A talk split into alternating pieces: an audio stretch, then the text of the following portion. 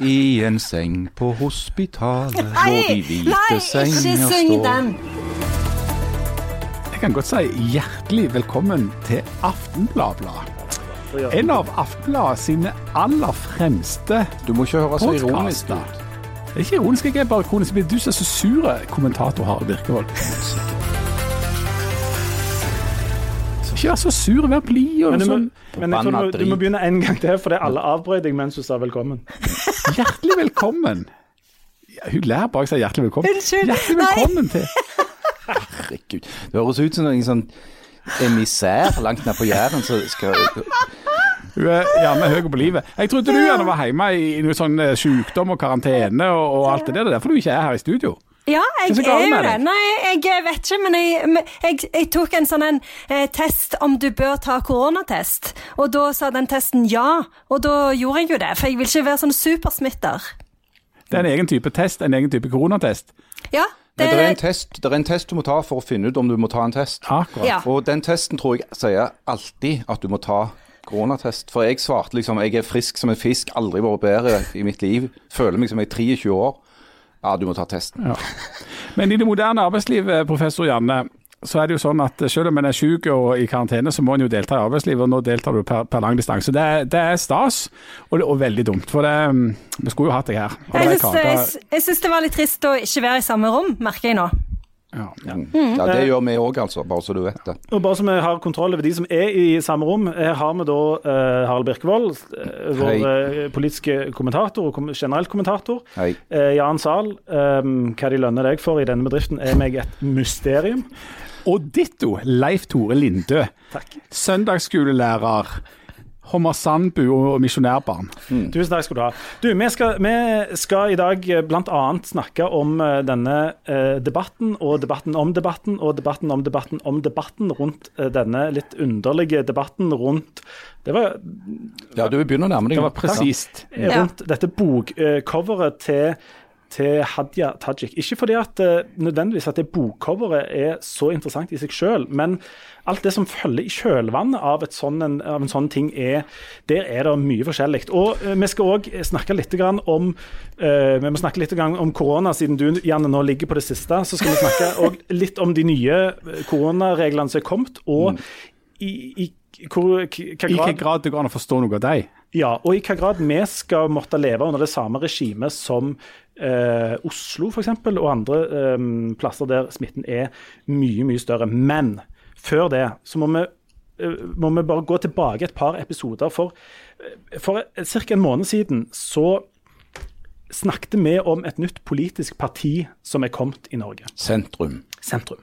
Eh, og i denne episoden så gjorde vi oss litt torsne og litt, prøvde å gjøre oss litt løgne på bekostningen av eh, sønnen til Kjell Magne Bondevik, eh, som ingen av oss i farten klarte å huske hva hette.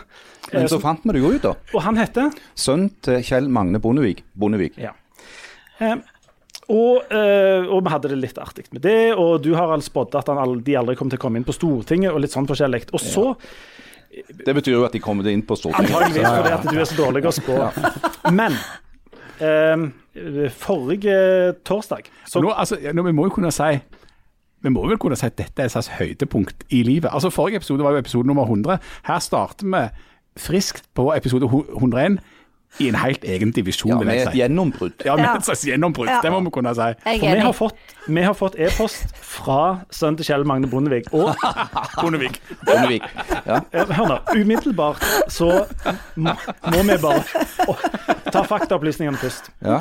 Eh, sønnen til Kjell Magne Bondevik heter altså Jon Harald Bondevik. Han har et eget Flott navn. navn. Flott Det navn. nesten likt ditt, eh, Harald Ja, ja, ja. Birkevold. Harald Bondevik, Harald Birkevold. Det er nesten det samme, det. Mye det samme. Eh, og han har altså et helt eget navn. Det er hans eget. Han heter ikke Men jeg har, jeg har glemt det allerede. Ja, jeg òg har det. Jeg òg har det. Tenk på Harald, så, tenk på deg sjøl du har. Så, så er det bare å sette Jon framfor. Jon Harald Bondevik. Eh, Jon Harald Bondevik har altså tatt kontakt med oss og skriver Hei, takk for mang en god latter dere ga meg gjennom behørig omtale i Aftenbladet 1.10. Eh, selv om det er noen uker siden podden ble publisert, vil jeg gjerne gi dere to kommentarer. Og vi har, vi har jo bedt om tilbakemelding. Det har vi. Dette er topp stemning. det- dette er ris til egen bak. Ja. Ja.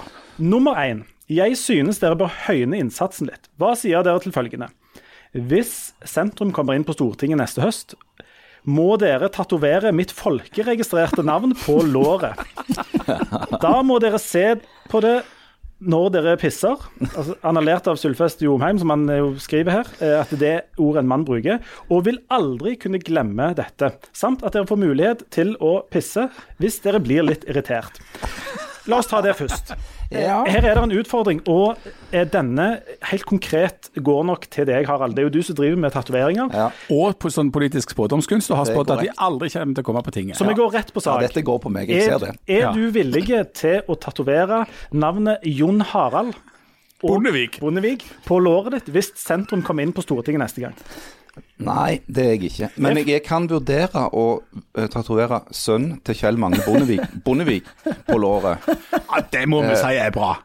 Ja, men det er jo ikke det han konkret spør om. Han Nei, men spør, det får han nei. Jeg gidder ikke ha liksom Jon Harald Bondevik. Men sønn til Kjell Magne Bondevik, Bondevik, det hadde vært såpass gale at det hadde begynt å bli litt interessant. Ok, Ja. um, ok, da, da tror jeg vi sier det sånn at vi gir Du kan jo være folk tro at jeg kaller Likkaren for sønn til Kjell Magne. Bondevik Nei, nei, nei Men hør nå her.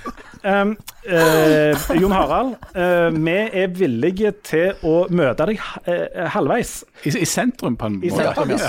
Og, og eh, Harald Birkevold er villig til å tatovere inn eh, sønn til Kjell Magne Bondevik, Bondevik på låret hvis sentrum kommer inn på Stortinget ved neste valg. Skal vi si det sånn? Så langt må vi kunne gå. Ja. Ja. Det, er- dette, jeg synes, hvis jeg kan bare evaluere litt kort, jeg syns dette er nydelig.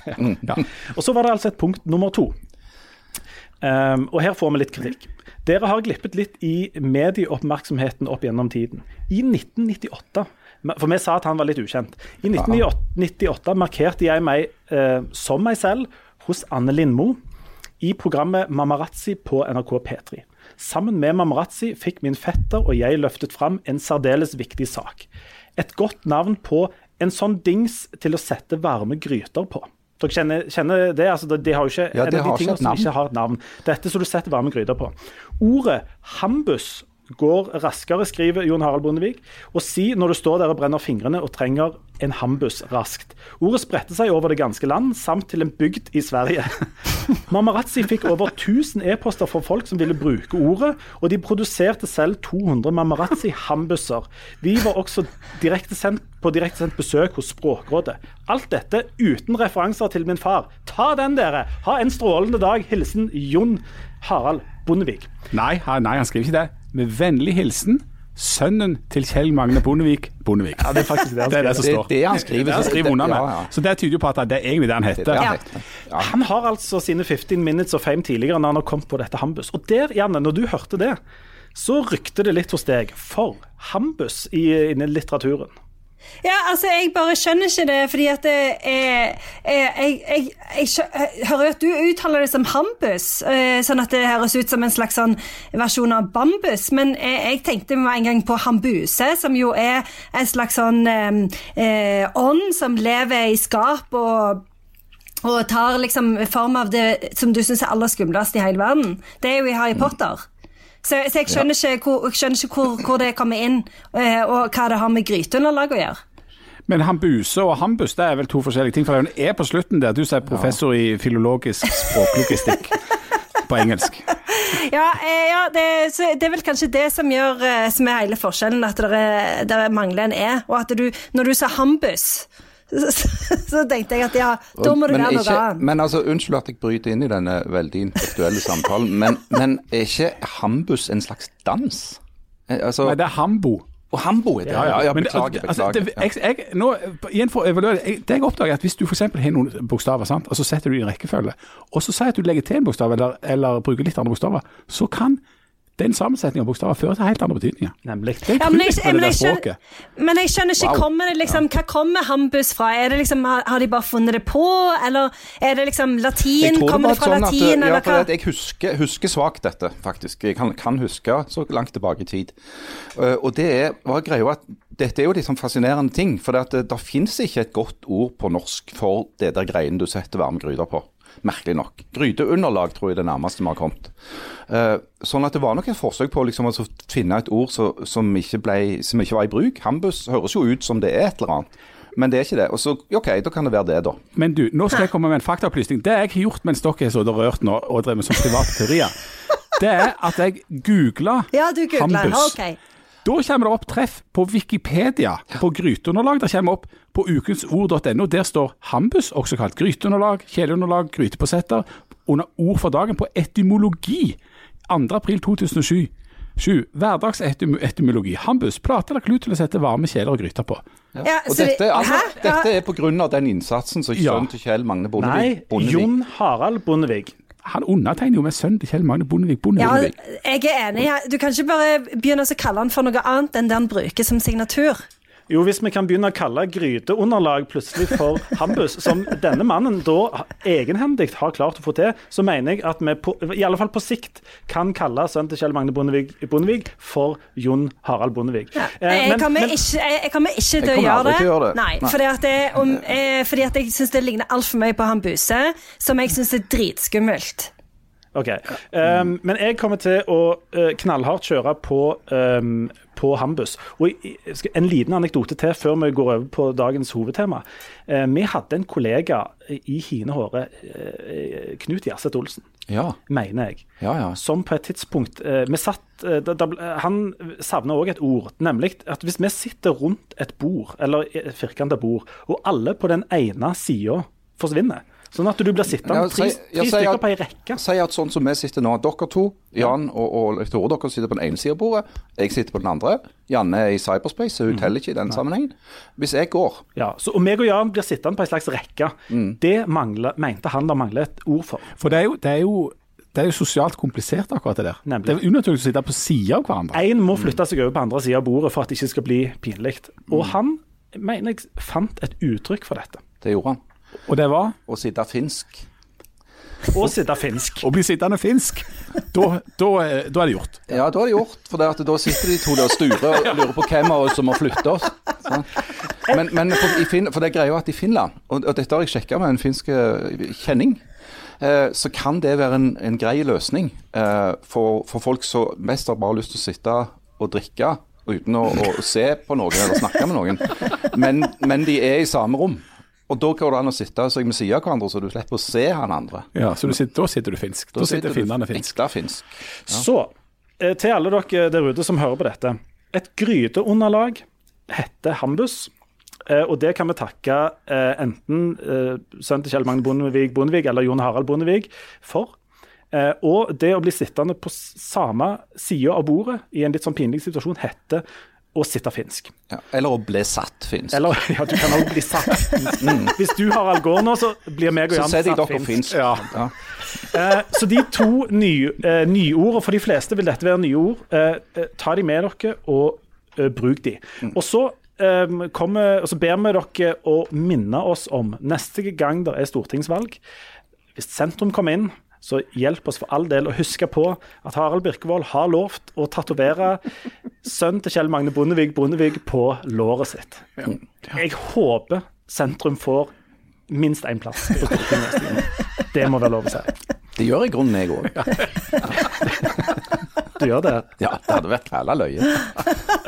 Det er strålende. All right, eh, Jan. Skal vi gå over på, eh, på Litteraturen. dagens- På litteraturen. Og uh, denne gangen de, Denne debatten handler jo nesten ikke om litteraturen, men om det bildet som da skal på et eller annet vis uh, lokke deg inn i litteraturen. Ja, for det er jo da blitt den store snakkisen uh, denne uka, og det har altså utgangspunkt i at Hadia Tajik, nestleder i Arbeiderpartiet, eh, førstekandidat for Rogaland Arbeiderparti eh, fra Bjørheimsbygd, har kommet ut med ei bok. Eh, som har-. Freiheit. Som heter Frihet, ja. Og som har fått eh, god omtale og, og, og god kritikk hos oss. Men eh, i helga på nett og, og mandag i papir, da fikk hun ikke så god kritikk. Det vil si, selve boka ble, det som var inni boka ble ikke så mye omtalt, men eh, coveret ble omtalt. Og hvis det er noen som ikke har sett dette bildet, eh, så kan jeg eh, Bilder er jo best på, på radio, så kan jeg eh, eh, prøve å beskrive det. Det er altså Hadia Tajik som sitter på det som for meg ser ut som noe betong. Ikledd en eh, slags grønn buksedressaktige og ser inn i kamera. Hun har òg på seg høyhælte sko og en ring. Og det som denne eh, kritikken da har eh, gått ut på, den er altså skreven av en eh, fakultetsdirektør fra Universitetet i Stavanger, Karoline Holmbo Høybo. Hun mener at Hadia Tajik ikke gjør det lett for seg å få fram sitt budskap når hun eh, har et sånt bilde av seg selv på coveret. Um, hun skriver bl.a.: Bildet av Tajik er ikke i seg selv problematisk, men troverdet til den politiske fortellinga hadde vært større om en ikke hadde vurdert det som nødsynt å lokke leserne inn med bilder som normalt vært assosiert med lett vekebladlektyre. Hun får assosiasjoner til Fifty Shades of Grey, og mener at det er noe seksualisert over dette bildet. Janne, hva tenkte du når du leste dette? Du jobber jo på universitetet og, og alt dette. Du er jo tenkte... til og med du er jo professor i sånn eh, lesbisk fonetikk. Og du gir ut bøker med cover og, og all slags. Jeg tenkte at, eh, at det var egentlig en litt sånn kjedelig eh, debatt. Eh, det som var veldig gøy i dag, syns jeg, var jo at den der eh, biografien til Torbjørn Jagland kom ut. Det var litt gøy å se omslaget på den, for det, han går jo opp et fjell eh, med en sånn sekk. Eh, det er jo litt sånn Gerhards- Gerhardsensk eh, omslag, eh, hvor han liksom ser ut som han enten er på vei til dugnad eller ei litt sånn stusslig hytte der oppe. Og da tenkte jeg at det, at det omslaget er jo ganske gøy å se. Altså for det, eh, Hadia Tajik har vel kommentert sjøl på eh, det at hun på en måte ville eh, bane sin egen vei og lage sitt eget, eh, altså sin egen plass i partiet. At hun gjerne ikke føler seg helt hjemme i den der eh, gerhardske tradisjonen i, i partiet. Men, men det som hun, eh, fakultetsdirektøren eh, protesterer mot, det er jo litt en sånn en eh, amerikanisering av norsk politikk. Eh, og det er jo et fakta at i amerikansk politikk så er det jo veldig mye fokus på særlig kvinners utseende, og at det, det skal ganske lite til før du på en måte blir rakka ned på på grunnlag av utseende, som jo er en tradisjon som ikke har, som ikke har stått så veldig sterkt i norsk politikk. Så akkurat, akkurat det elementet kan jeg jo forstå. Men jeg forstår ikke hvordan du kan ta et oppgjør mot at det blir rakka ned mot politikere på grunnlag av utseende, ved å rakke ned på dem på grunnlag av utseende. Forklar meg det. Nei, det er jeg helt enig i. Eh, og, og jeg syns at eh, jeg, jeg, skjønner den, jeg skjønner ikke den debatten, og jeg syns at eh, vi burde ikke ha hatt den debatten. Og, og, eh, og, boka heter jo 'Frihet', så det er jo på en Eller 'Inkololeko', eh, Jan Hoel hadde sagt. Så, så det er jo på en måte Så det er jo på en måte litt eh, paradoksalt da, at det blir på en måte eh, konsekvensen av å publisere en bok som heter 'Frihet', at du blir kritisert for at du har på deg det du vil på coveret. Men du som jobber med analyse av tekst og språk og sånt, det går an å tolke bildet og sånt. Burde, altså, hvorfor, er det, hvorfor er det så uinteressant å tolke bildet? Nei, nei, det, det er ikke uinteressant å tolke bildet. Det er det jo ikke. Eh, men, men, jeg, men jeg, jeg bare tenker at det, at det eh, kanskje eh, kan, Det er vel kanskje bare det at jeg er litt uenig i, i eh, kritikken, da. Eh, men, men altså, det måtte jo være sånn at du, at du på en måte Hvis du hadde lagd en sånn analyse da, hvor du ser på eh, politikerbøker, og så, og så ser du at eh, alle politikerbøker har et sånn et headshot eh, eh, hvor, eh, hvor noen har liksom Altså hvor, hvor noen ser ut på en spesiell måte, og at denne her på en måte bryter den leserkontrakten, da. Eh, fordi at Ja, ja, for det er grunn til å tro at de har vært bevisste om akkurat dette bildet. og Hadia Tajik jo eh, selv, ble spurt om dette på Kokonomics nå på lørdag av, av Tom Hetland, og sa at, eh, at hun hadde lyst til å, ha, eh, å skrive en bok som ikke var en typisk politikerbiografi. Hun hadde lyst til å ha et cover som, som inviterte inn folk som ikke nødvendigvis hører på, eh, på Dagsnytt 18 eller Politisk kvarter på morgenen. Altså Det er jo en, en annen type sjanger. Så det kan godt hende at, eh, at de har lagd en sjanger som hadde passet inn både på Vanity Fair og, og hvor som helst det måtte være. Eller ja, ja, det- KK. sant? Ja, det tenker jeg òg. At det, det er jo selvfølgelig eh, noe de har tenkt over. Og, og, og det bildet ligner jo òg ganske mye på et bilde av hun Alexandra Octavia Cortez, som, som eh, ble publisert for en, god stund siden, så jeg tenker at det er sikkert òg Det kan jo òg være en grunn til at hun har valgt eh, det bildet, fordi hun kanskje er en eh, politiker som hun på en måte har lyst til å identifisere seg med, og, og, og har lyst til at andre skal identifisere hun med. da. Nå er det vanskelig å styre folk sine assosiasjoner når de ser bilder og leser tekster, men det bildet som du nevner der, er jo helt sånn opp i dagen den mest naturlige assosiasjonen å få. Er det ikke det, Harald? Jo da. Eh, det er klart at det var nok ganske mange som hadde glemt det bildet av AOC, som mange kaller den. Altså denne nokså radikale demokraten som ble valgt inn i den amerikanske kongressen ved forrige korsvei.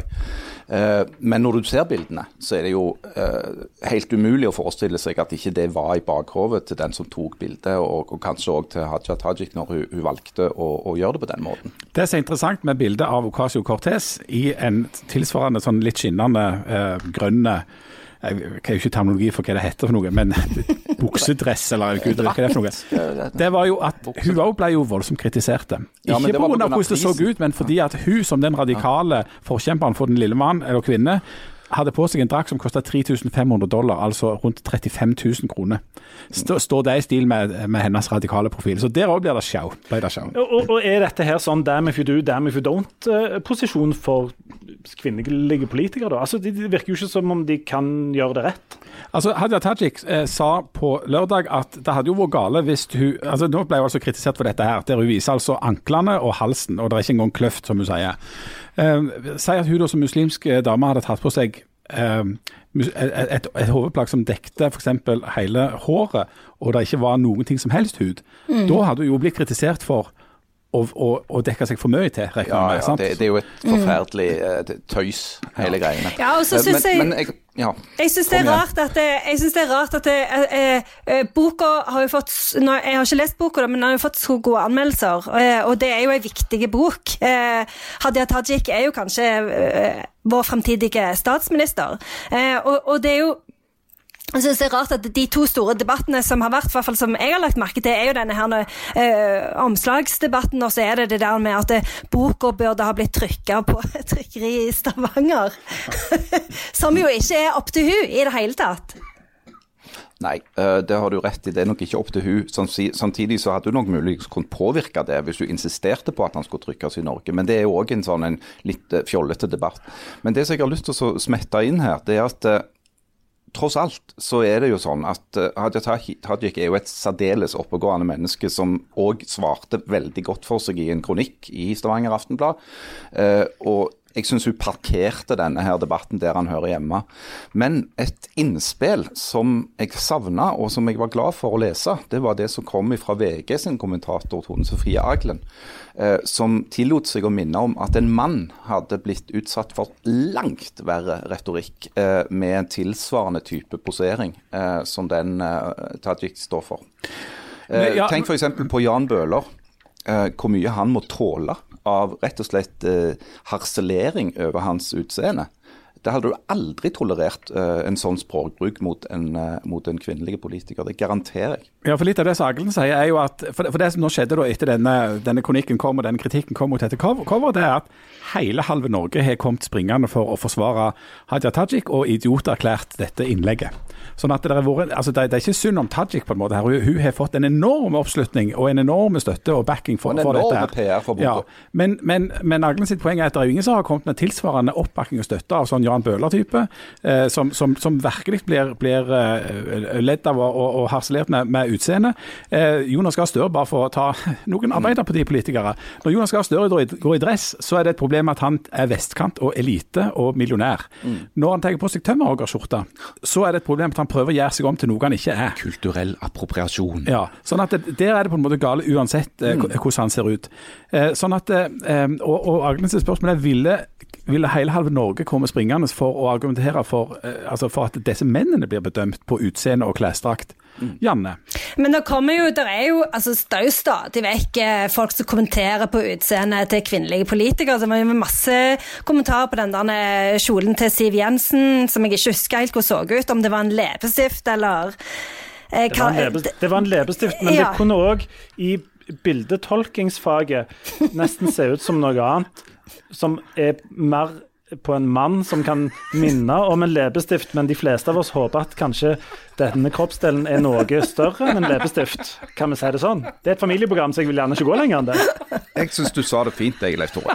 Ja, så det er, jo ikke, det er jo ikke som om det aldri Det er jo ikke som om det aldri blir kommentert på utseendet til kvinnelige politikere eller andre Men, Jan, kvinner men, Janne, som det er er jo ingenting som har påstått at det aldri blir kommentert på utseendet til kvinnelige jo, jo. politikere. Men ingen har påstått det. Nei. Ingen har påstått det, men det blir veldig ofte påstått at dette er noe som gjelder bare for damer, eller bare for kvinnelige politikere. Og der er det vel Aglen og med, i hvert fall et par-tre av oss som sitter her i studio er enige at, det, at dette er jo noe som skjer med menn. Det skjer jo med, med, med folk enten uansett hva slags forplantningsorgan de har. Ja, ja, Um, de gjør ja. jo det, men, men eh, og, og, og hvis en ser igjen til, til amerikansk politikk, da, så var det jo eh, under den forrige valgkampen så var det jo utrolig mye fokus på eh, håret til Hillary Clinton, for hun fikk jo veldig mye kritikk fordi hun brukte så mye penger på, på frisør, eh, frisøren. Eh, men det var jo omtrent like mye fokus på håret til, til Donald Trump.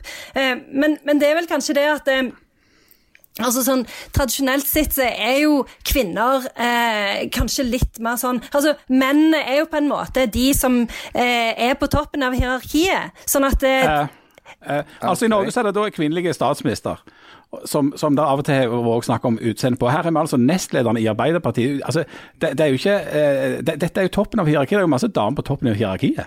Jo, jo, men, eh, men jeg skjønner ikke hva er spørsmålet nå. Nå skjønner jeg mista litt tråden. Nei, Vi mist- mister helt uh, fullstendig Ja. tråden. Men, men eh, kan jeg eh, spørre om noe annet, da? De, de, disse reaksjonene, så, hun, hun har jo blitt ganske nedsabla eh, etter denne kronikken. Hun, Hun, hun. Ja, Bø, ja, Høybo. ja. Um, og I etterkant av det så er jo de som tar til motmæle, da, de bringer jo bl.a. inn uh, Madeleine Albright sin 'There's a special place in hell for women who don't help other women'. Um, og, og var, i, I et innlegg så får da hun spørsmål tilbake igjen om hun ikke legitimerer en del sånn metoo-ting og sånt. Det er noe med, med reaksjonene òg her som er ganske eh, heftige. Eh, Det virker jo som om det er ikke veldig mange som tar seg tid til å puste med magen her, Harald. Nei, det er ikke det. Og, og, og det er hele den der debatten om hvorvidt det er sånn at alle kvinner har en plikt til å backe opp andre kvinner, er jo litt løyen, syns jeg. Rar. Fordi at det er jo klart det at jo flere kvinner som kommer opp i toppen av det norske samfunnshierarkiet, som Jan er inne på, jo mer hver kvinne som representerer makta i forskjellige sammenhenger, så skal de selvfølgelig òg kunne kritiseres på lik linje med alle andre. Det, det er jo litt forstemmende at vi fortsatt har en sånn kjønna samtale når det gjelder dette med makt. Altså, Er du statsminister, så har det pokker meg ikke noe å si hvilken vei tissen din går. altså. Da er du statsminister. Og da må du kritiseres som statsminister. Men eh, det som har skjedd her, er vel at hun har fått kritikk for måten hun kler seg på. Det er ingen som har snakket om denne boka. Men, men, men jeg, jeg mener at reaksjonene mot hun, hun Høybo eh, eller altså hele saken illustrerer enormt mange interessante og litt deprimerende ting med vår tid. Eh, for det første, det at Hadia Tajik blir kritisert på den måten for noen klær hun har på seg, det er jo eh, herlig ironisk i en bok som, som heter 'Frihet'. Altså der annet det inngår det med friheten for og, og hvordan du vil kle på deg. Men det, men det kan òg illustrere noe av hvor trangt det er egentlig innenfor eh, blant visse deler av altså feminismen. At hvis du ikke ser ut sånn og sånn, eller hvis du, hvis du ikke har bilde som sånn og sånn, så bryter du med det som da er på en måte sånn interne krav. Det er, liksom, det er lågt under taket eh, blant enkelte feminister for hvordan ei dame da altså kan oppføre seg. Og så når da Høibo eh, kritiserer dette, så kommer der altså eh, så kommer dette her med eh, kravet da nærmest om at, at alle kvinner skal støtte hverandre, altså det Madeleine Albright-elementet. Noen sier ja, kvinner er kvinner verst, som er sånn munnhell. Eh, og så er det òg eh, flere som har brakt opp hvordan for at, hvordan Aftenbladet kan trykke en sånn kritikk som det der. At, at, altså at Hun burde ikke slippe til i spaltene med dette. Og enkelte andre har appellert til rektoren på Universitetet i Oslo, nei, ikke i Oslo, men tvert imot her i Stavanger, Klaus Moen, om at at hun ikke kan ytre dette her, hun som da er fakultetsdirektør ved Universitetet i Stavanger. Og da, og, og da er du over i no platforming. Altså at, at aviser skal ikke slippe til noe du ikke liker. Eh, arbeidsgivere skal ikke la arbeidstakere få lov å ytre sin mening og delta i samfunnsdebatten fordi at de sier noe upopulært. Og da, det, da, da er det, det er interessant. Det er jo det er, det er bare litt trist at noen tror at, at Klaus Moen skulle sitte der og, og på en måte lese gjennom kronikkene til, til vitenskapelige ansatte. Ja, men, ja, men hva slags ytringsklima er vi i da? Ja, det er helt, Men- på, det er helt men- på bærtur.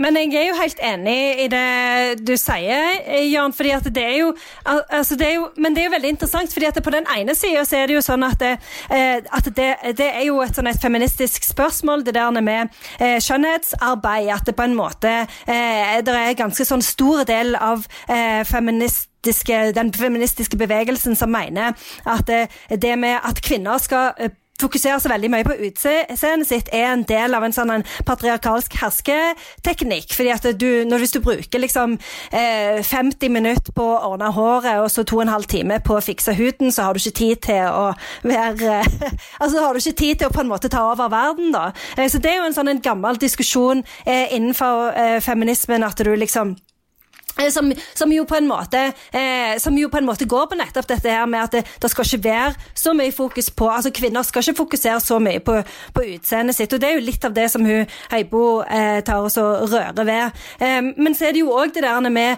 at eh, feminisme skal jo òg være det at du kan se ut som du vil. At du skal få lov å bruke så mye tid du bare har lyst til på utseendet ditt. og Det er jo noe som eh, Caitlin Moran f.eks. skriver i boka 'See How to be a Woman', at hun har lyst til å ha Eh, lik rett som menn til å delta i samfunnslivet og alt det der, eh, men hun har òg lyst til å være veldig fin på håret. Så det er jo på en måte litt sånn to skoler innenfor feminismen, da.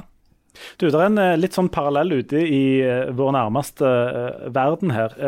Den finske statsministeren Det er statsminister i Finland, ikke Er du Arja Sauna? Nei, det er ikke Finlands prime minister. Hun heter Sanna Hva heter hun? Marin. Sanna Marin. Sanna Marin. Ja, ja. Um, hun er blitt avfotografert um, i et, et, eller annet magasin. Vet ikke om dere har sett det. Um, og Der er hun avfotografert i en blazer uten noe under, altså, men en blazer over. Viser vitterlig litt grann, uh, hud uh, ned gjennom og sånt, men, men, som ser nei på en måte ja, Det ser classy ut. Mm. Og Det òg ble det reagert voldsomt på. og i, i, etterkant av det så er det altså satt i gang en, en kampanje blant uh, mange kvinner, bl.a. i Finland, der de poserer i nøyaktig det samme som hun har på seg, og uh, tagger bildene med 'I'm with Sanna', som dere kan sjekke ut. Um, der det er en slags um, Internettforbindelse. internettforbindelse. Det er veldig fordel å ha internettforbindelse med dette her. Ja, Du kan få se mye rart hvis du har internettforbindelse. Ja, du kan det. Ja, kan det. Men, men Janne, de, de, de, der to uh, sidene ved feminismen La oss kalle de, fraksjoner. ja, fraksjonene. De går jo ikke i hop, da. Nei, de gjør jo ikke det. Og det er jo det som jeg syns er, er et problem med denne debatten òg. For det er jo sånn som du sier det der når jeg, altså liksom, Etter 30 sekunder så dukker det opp det der når kvinne er kvinne verst. Eh, og det syns jeg er så synd. Eh, at det på en måte Med en gang eh, det er en sånn meningsutveksling blant kvinner, så skal det bli sånn at det, at det blir sånn catfight, liksom. At det, at det blir sånn å, kvinner rakker ned på hverandre. For det er jo ikke noen grunn til at det, at det skal være sånn at alle kvinner heier på på hverandre, eller at alle kvinner er enige, eller at alle kvinner har det samme synet på, på hva feminisme er. Eh, og, og, og, nå vet jeg at det var den ene debattanten som sa det der kvinne er kvinne verst, eh, men, men, det, det syns jeg er, er, det mest problematiske med, med, dette, med denne debatten, at det dukker opp med en gang. Vi skal snart avslutte dette temaet, men før det så må vi vel være enige om at det innlegget som hun Høybo skrev, det kunne aldri en mann som pusher 50 skrevet. For om det ble baluba nå, da hadde det blitt Altså, jeg sitter iallfall og er veldig forsiktig i hva jeg uttaler meg om når det gjelder kvinner og utseende. Jeg merker at dere er veldig forsiktige alle sammen. Det, det er Jan forsiktig sal, der har du meg. Ja, det er typisk dere tre å være veldig forsiktige. Vi veier våre ord på gullvekt, skal jeg love deg, ja. professor Janne. Ja, og, med, men jeg, eh, og jeg, når eh, jeg har det sånn, det kan jeg bare si for min egen del, at når en mann sier noe, så støtter jeg han 100% ja. jeg, jeg, jeg, vil bare, jeg vil bare smette inn med en, en brannfakkel her, ja. uh, hvis jeg får lov. Ja. Jeg syns at Hadia Tajik er ganske fin. Oh, oi, nå, da er det bare å brenne. Men Nei, ikke men, det til for deg, Harald. Jeg tror jeg er i stand til å skille mellom den finheten og det hun faktisk gjør som politiker. Mm. Topp stemning. Det er topp stemning. Og eh, siden eh, Harald uttalte det som mann, så, jeg, så, må jeg si meg helt enig. For jeg støtter selvfølgelig alle andre menn. Alle, alle, menn må jo støtte alle menn, for vi er jo med i den der gutteklubben Grei. Og ja. patriarkatet. Dere må gå på SoMe og så skrive sånn You go, boy. Men eh, det er jo ja. Men boy power. Jo, alle er jo med i patriarkatet. Det er, jo, det er jo det som er den største klubben av alle. Det er jo ingen som ikke er med i den. I patriarkatets hus er det mange rom. Ja. Hva er det du betaler medlemsavgift der? Nei, det, er det går, det trekkes jo automatisk for lønna. Du ser jo aldri de pengene.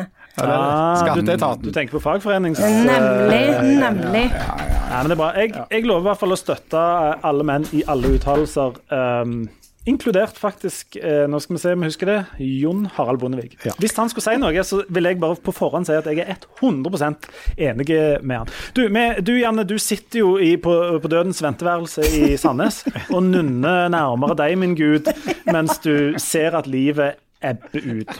Um, Og skal jeg si, I natt så drømte jeg om Oprah Winfrey, at hun var Gud. Og så at istedenfor å høre på hva hun hadde å si, så bare babla jeg i vei om Hamilton, den musicalen. du, um, du var gjest hos Oprah? Nei, hun var hjemme. Hun, hun var hjemme hos meg, for jeg sitter jo i karantene. Selvfølgelig. Um, eh, men du, nå, før vi snakker bitte litt om korona, så skal du få lov å komme med din vanlige anbefaling fra forrige uke. Eller eventuelt den nye. Eh, vær så god. Nå, nå har jeg ikke hatt tid til å se på The Morning Show i det hele tatt denne uka, så jeg husker ikke engang om jeg anbefaler den eller ikke. Men um, jeg anbefaler en film uh, på Netflix Uh, som uh, heter The Trial of the Chicago Seven. Ah, ja, den var fin. ja. Ja, sant, den var fin. Ja. Ja, ja, ja. Er du ironisk? Jeg klarer ikke å se om du er Nei. ironisk. Nei, nei, nei, jeg støtter deg selv om du har et annet kjønn. Ja, bra. Mann er, kvinne verst, som jeg pleier å si. men du, du må si bare helt kort hva det er slags Ja. film. Ja, det er jo eh, en film som er laga av han Aaron Sorkin, som også har lagd eh, The West Wing og The Newsroom.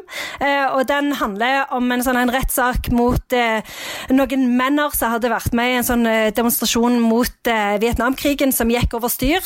Eh, og det hele ble en sånn en politisk rettssak. Og den er veldig, veldig bra.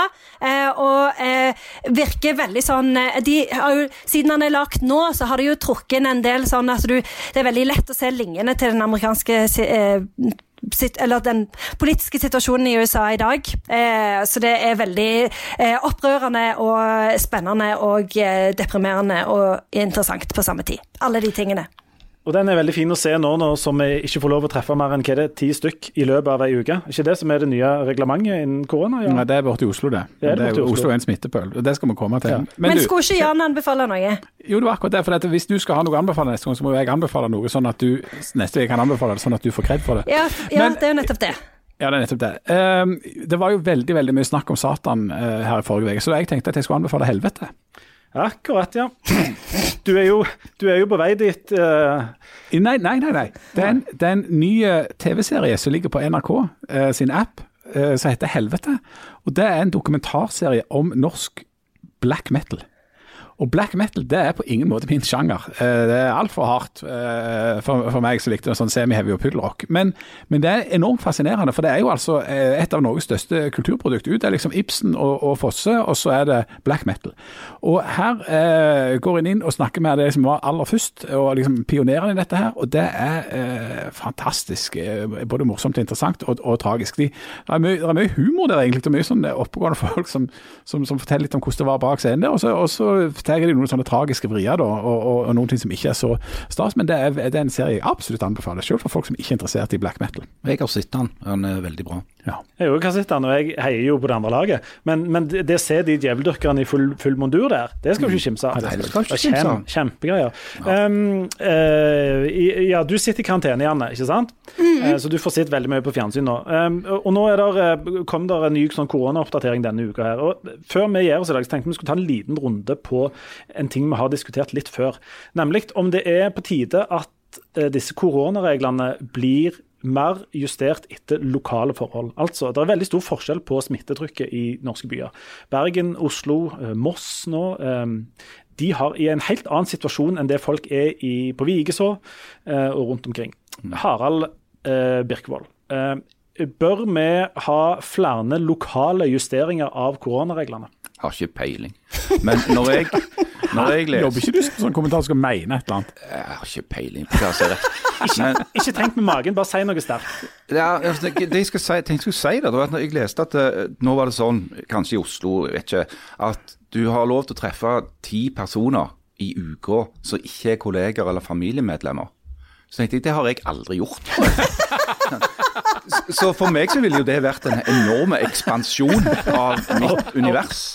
Eh, en helt ekstrem form for sosial omgang som jeg aldri kunne tenke meg å, å, å gå, gå, inn på. Så du måtte begynt å ta kontakt med helt vilkårlige folk rundt jo Jeg måtte ta kontakt med vilt fremmede hvis jeg skulle fått til det der. Og det er jo ikke noe som kommer til å skje. For, for min del så tenkte jeg at de der restriksjonene var veldig, veldig liberale, da. Eh, ja. Altså Kan det være nødvendig å, å, drive og sosialisere i et sånt omfang? Men Jeg, jeg synes også det er rart. Det var jo en, en reportasje på Dagsrevyen her en kveld om ei dame fra Vestvågøy som ble, skulle bli 40 år og hadde invitert til 40-årslag innenfor de rammene som var eh, nå, nå nettopp. altså at du, Var det 20 eller 50, eller var det 100 eller 200? et eller annet. Det, det begynner jo å bli så forvirrende hva det egentlig er. da. Og Det kan du nå ikke gjøre. Så hun må nedskalere dette, for hun kan ikke ha mer enn fem personer på besøk. Eh, det som er interessant, er at det har ikke vært et smittetilfelle i Vestvågøy siden mars. Eh, så det, det, er jo ingen smitte der. Men fordi at det da er en, en oppblomstring og, og ganske dramatisk situasjon i Oslo, så kan ikke Vestvågøy gjøre det. Og i Bergen. Og, og i Bergen, ja. Der er det jo eh, som svartedauden. Men, men du Jan, du, det er jo ingenting du hater mer inderlig enn en eh, sentrum, sentrum, Oslo sentrum, holdt jeg på å si. Du er ganske interessert i dette med, med sentrum og, og, periferi og sånt. Er, er, du en tilhenger av at vi skal ha et eget sett med regler? Altså at hver kommune skal få lov å bestemme sjøl? Jeg, jeg, er en tilhenger av at det er større eh, regionale differensiering, for å si det på fint. Altså at at eh, reglene har utgangspunkt i det som er eh, den eh, faktiske situasjonen. Det har en jo gjort med de landene som var rundt omkring i Europa, at hvis du ikke var over 20 eh, per 1000 eller 100 000 i løpet av de siste 14 dagene, så var de landene grønne, og da kan du reise til dem. Da, da gjaldt det andre regler for deg. Da må det òg kunne gjelde andre regler for Vestvågøy, hvis de ikke har 20 av 100 000. Det blir ikke 100 000 i Vestvågøy, men, og det skal egentlig fort gjort å komme opp der. Altså, det, det, det er, altså, i, eh, Noe av kritikken mot denne Oslo-dominansen av Norge er jo at det blir ofte litt nærsynt. altså at eh, Mange av de som bestemmer sitter i Oslo, opplever en situasjon der, og så tror de at det er sånn i hele resten av Norge. Og Så viser det seg at altså, tre fjerdedeler av Norges befolkning bor altså ikke i Oslo. Og, de, og situasjonen er ikke sånn som den er i Oslo. Så da er det litt corny. Og hvis du skal ha igjen legitimitet for disse tiltakene, så blir det veldig rart når du sitter i Vestvågøy totalt uten smitte og får kun lov og feire 40-årsdagen med mor di, far din og så han ene søskenbarnet. jeg for min del uh, står, uh, etter, etter, etter, etter, egen oppfatning, da, fjellstøtt på det jeg har ment siden 12.3. Nemlig at jeg har ikke peiling på pandemier og smittevern og sånn. Sånn at jeg skal være veldig forsiktig med å mene noe om uh, reglene. Når det er sagt, så er jeg jo enig i Så skal du mene noe om regler. Nei, kan, jeg er enig i at det kan virke forvirrende. Uh, at når, når, rådene er sånn, hva er egentlig en anbefaling? Uh, hvor mye er en anbefaling verdt i forhold til en til, uh, tilråding, pålegg, tilråding, pålegg oppmåing? Altså, Det blir en del sånn ting som egentlig hører hjemme i Janne sitt departement. Altså hvordan du tolker språk og sånn i dette her. Og det er ikke heldig. Det ser jeg. jeg tror òg at uh, det er fortsatt et argument for at hvis reglene blir uforståelige for folk, så vil de være mindre tilbøyelige til å følge de. Uh, men samtidig så ser vi jo at Norge har jo en veldig bra uh, altså Til nå så har smittehåndteringen i Norge blitt håndtert veldig godt. Så det er jo ikke så mye som tyder på at folk på en måte gjør opprør ved å bare gi faen. Uh, så, så, så, jeg vet ikke hvor tungt det argumentet er, egentlig. Det at eh, nei, legitimiteten forsvinner. Det virker jo som om folk gjør det de får beskjed om, og det er bra. Men, men, men, samtidig så sier jo både Nakstad og Høie og alt i hop at de frykter slitasje. Og, ja, det, ja. det, noe annet ville jo vært rart hvis ja. dette drar seg utover nyttår og inn i våren 2021 og sånn, og folk ikke forstår reglene.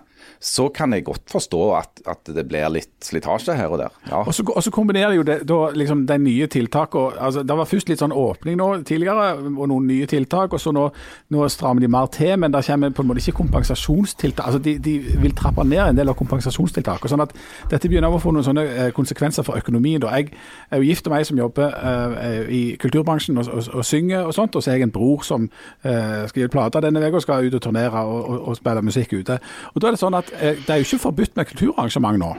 Og så er det noen regler om, om, med noen stoler, om de er faste eller ikke. Altså, altså, veldig sånn forvirrende på det. Men hvis det er sånn at regelen er at, kun, at du ikke har lov å se være nærmere enn to meter med mer enn ti personer i et kvarter, er det da i praksis mulig å gå på kulturarrangement, f.eks. I, i Bergen og, og Oslo? Altså, har, har, du da forbudt kulturarrangement, men ikke ha kompensasjonstiltak, eller hva er det da du har gjort? liksom? Janne, du, du driver jo en del med sånn kulturgreier. for du driver jo også og skriver noen bøker og noen greier. Så og, Hvordan gjør du det når du skal nå ut og, og turnere? Altså, står, Roper du bare dette tinga ut av bilvinduet når du kjører forbi Kvadrat, eller hva, hva gjør du? Ja. Eh, Gjør du det? jeg gjør det. Jeg prøver i boka mi å si noe om Døden! Ja. Nei, eh, jeg har ikke opplevd at eh, no, Eller det er noen få av mine eh, arrangement som har blitt avlyst, men på mine arrangement så kommer det alltid så veldig få folk. Eh, så det er nesten ja. aldri et problem. Dette er Eh, tiden for å være upopulære. Ja, faktisk. Eh, Ja. Så, så det har gått veldig fint. Men eh, You go, girl. Ja, takk. Eh, Men jeg syns jo at det er veldig sånn eh, Det som jeg syns er vanskelig sjøl, det er jo når jeg går ut, fordi at jeg ender alltid opp med å få kjeft fordi at jeg står og snakker med folk med bordene, og det syns jeg er veldig ubehagelig. Jeg fikk f.eks. kjeft når jeg snakket med Jan en gang, når jeg traff han eh, på Folken. Eh, så så det, det syns jeg er veldig stress, og derfor unngår jeg helst å gå ut. Med mindre det er mitt eget arrangement, for da vet jeg hvor jeg skal sitte. Men du, nå, nå når du ligger helt på det siste eh, inne i denne, denne sottesengen din i Sandnes, Ja. har du Hvis vi hadde, hvis vi hadde spurt, tatt deg en liten quiz om koronareglene, hva har du lov til, hva har du ikke lov til? Hvor mange Hadde du klart en sånn en quiz? Ja, jeg hadde klart det, men jeg bare klarer ikke å huske det når jeg går ut. Det er akkurat som når du Ah, går du husker det når du er helt alene inne Ja. hos, deg- hos deg sjøl? Ja. Har du, har du lov til å slikke folk i fjeset nå, eh, som du Å, herlighet, vet du hva? Det drømmer jeg om om nettene ennå. Eh, Tenk hvis du er familie- dette er et familieprogram. Hvis du hadde gjort, det med Oprah Winfrey, f.eks. Ja, å, stakkar Oprah Winfrey. Mm. Ja, som jeg plagte hun med mine endeløse monologer. Det var Men, ille men nok. slapp, slapp hun til noe som helst? Hva sa hun? Ingenting, ingenting. Og så husker jeg jeg tenkte det sånn, herlighet, dette er Oprah Winfrey, la hun dele sin visdom med deg. Men så var jeg sånn, blø, blø, blø om alt det gørra. Jeg bare gjenfortalte handlingen i Hamilton om og om igjen. Det Kvinner er kvinner verst. Oi, oi, oi. Jeg er, jeg er, jeg er helt enig med alle. Du, uh, vi, vi må gå mot, uh, mot slutten. og ehm, eh, Siden Harald har da gått med på å uh, tatovere eh, sønnen til Kjell Magne Bondevik, Bondevik på låret, hvis sentrum kommer inn på Stortinget neste gang. Eh, vi andre vi må jo òg hive noe i potten her. Ja, men kan Det- jeg bare si én ting, og det er jo at eh, Harald, du har jo lovt eh, fra før av at du skal tatovere min terningkast seks-terning på armen. Og det må jo, jo, komme det før, det må jo komme før eh, du tar eh, den andre tatoveringen. Ja, det skal du ikke se vekk fra. Nei. Men eh, Janne, du òg du må tatovere navnet til noen på, eh, på ditt eget lår um, her, eh, hvis et eller annet skjer. Eh, tegn, eh, tegn, oss, eh, og tegn opp det scenarioet. Er det en norsk politiker? Ja, eh, fortrinnsvis, men det kan òg være andre ting. à la hvis eh, et eller annet skjer, så skal jeg tatovere navnet til vedkommende. Ja, kanskje hvis jeg hadde Kanskje Opera Oprah Winfrey for å si unnskyld eh, for at jeg eh, oppførte meg som en mann når jeg traff henne. Ja, det, hadde, det hadde vært fint hvis du hadde gjort. Altså, det, det, en, det koster så lite, og det er en som betyr så mye for hun. Eh, Jan, det er din tur å hive noe i potten her. Nei, men jeg driver ikke og tatoverer meg, så du kan ikke kreve det. Men... Nei, men ta noe helt urealistisk, da, så slipper du å tatovere deg. Det er jo det som er trikset her. Ja, ok. Uh... Skal jeg ta min først? ta din først. Ja, for, Hvis jeg får en mail, en personlig mail av Johan J. Jacobsen, så skal jeg tatovere Johan J. Jacobsen over hele ryggtavla. Er, Er du spinngal? men er, lever han? Nei, det, jeg håper ikke han gjør det. Han gjør, gjør, gjør ikke det. Jeg Gjør tror han det. Nei, nei, nei, nei, nei. Dette må jeg sjekke mens Jan Johan J. J. Jeg var sikker på at jeg hadde klart uh... Nei, jeg tror han er han er jeg, tror, han. jeg tror han eh, har Han hører mye på, på Aftenbladet òg, Ja, jeg har hørt denne sånn skjerme, skjermegreia. Ingen må snakke med Johan J. Ja. Jacobsen. Søren. Nei, men du, da, nei, jeg kom på noe. Jeg, jeg kan eh, du, du kommer ikke til å få noe mail av Johanne Jeg gjør Jacobsen. ikke det. Når slutta han å sende mail? I eh, 2018. 2018 okay, jeg har mailinga derifra, ja. Ja. Hvis eh, Erna Solberg klarer å få oss inn i EU, så skal jeg tatovere Erna Solberg på overarmen. Oh. Altså ordet Erna Solberg eller selve Nei, og, eh, navnet. Det er jo navnet vi snakker om nå, Ja, ikke er personen. Ja. Ja. Det er veldig bra. Jeg eh, har en mistanke om, at eh, Harald Birkevold er den som er desidert nærmest. En tatovering. Ja. Og eh, nå skal vi gi oss neste, neste uke. Er vi altså, Da har vi kommet forbi valget. Vi har, vi har ikke nevnt Trump en gang i dag. Og det er jo veldig, Nå veldig gjorde trist du det, da. for. Ja, nå gjorde jeg det, fordi at neste uke så blir det nok en del snakk om USA. Eh, og vi håper jo at alle er, mm, alle er med oss. Um, til og med du, Janne, som, eh, der det jo er eh, 50-50, kanskje 60-60 på om du lever. Så jeg foreslår at vi avslutter med at eh, vi som sitter her i dette studio, eh, synger for deg eh, Ja. starten av 'Nærmere deg', min. Nærmere deg, min Gud. Ha det. Nærmere deg.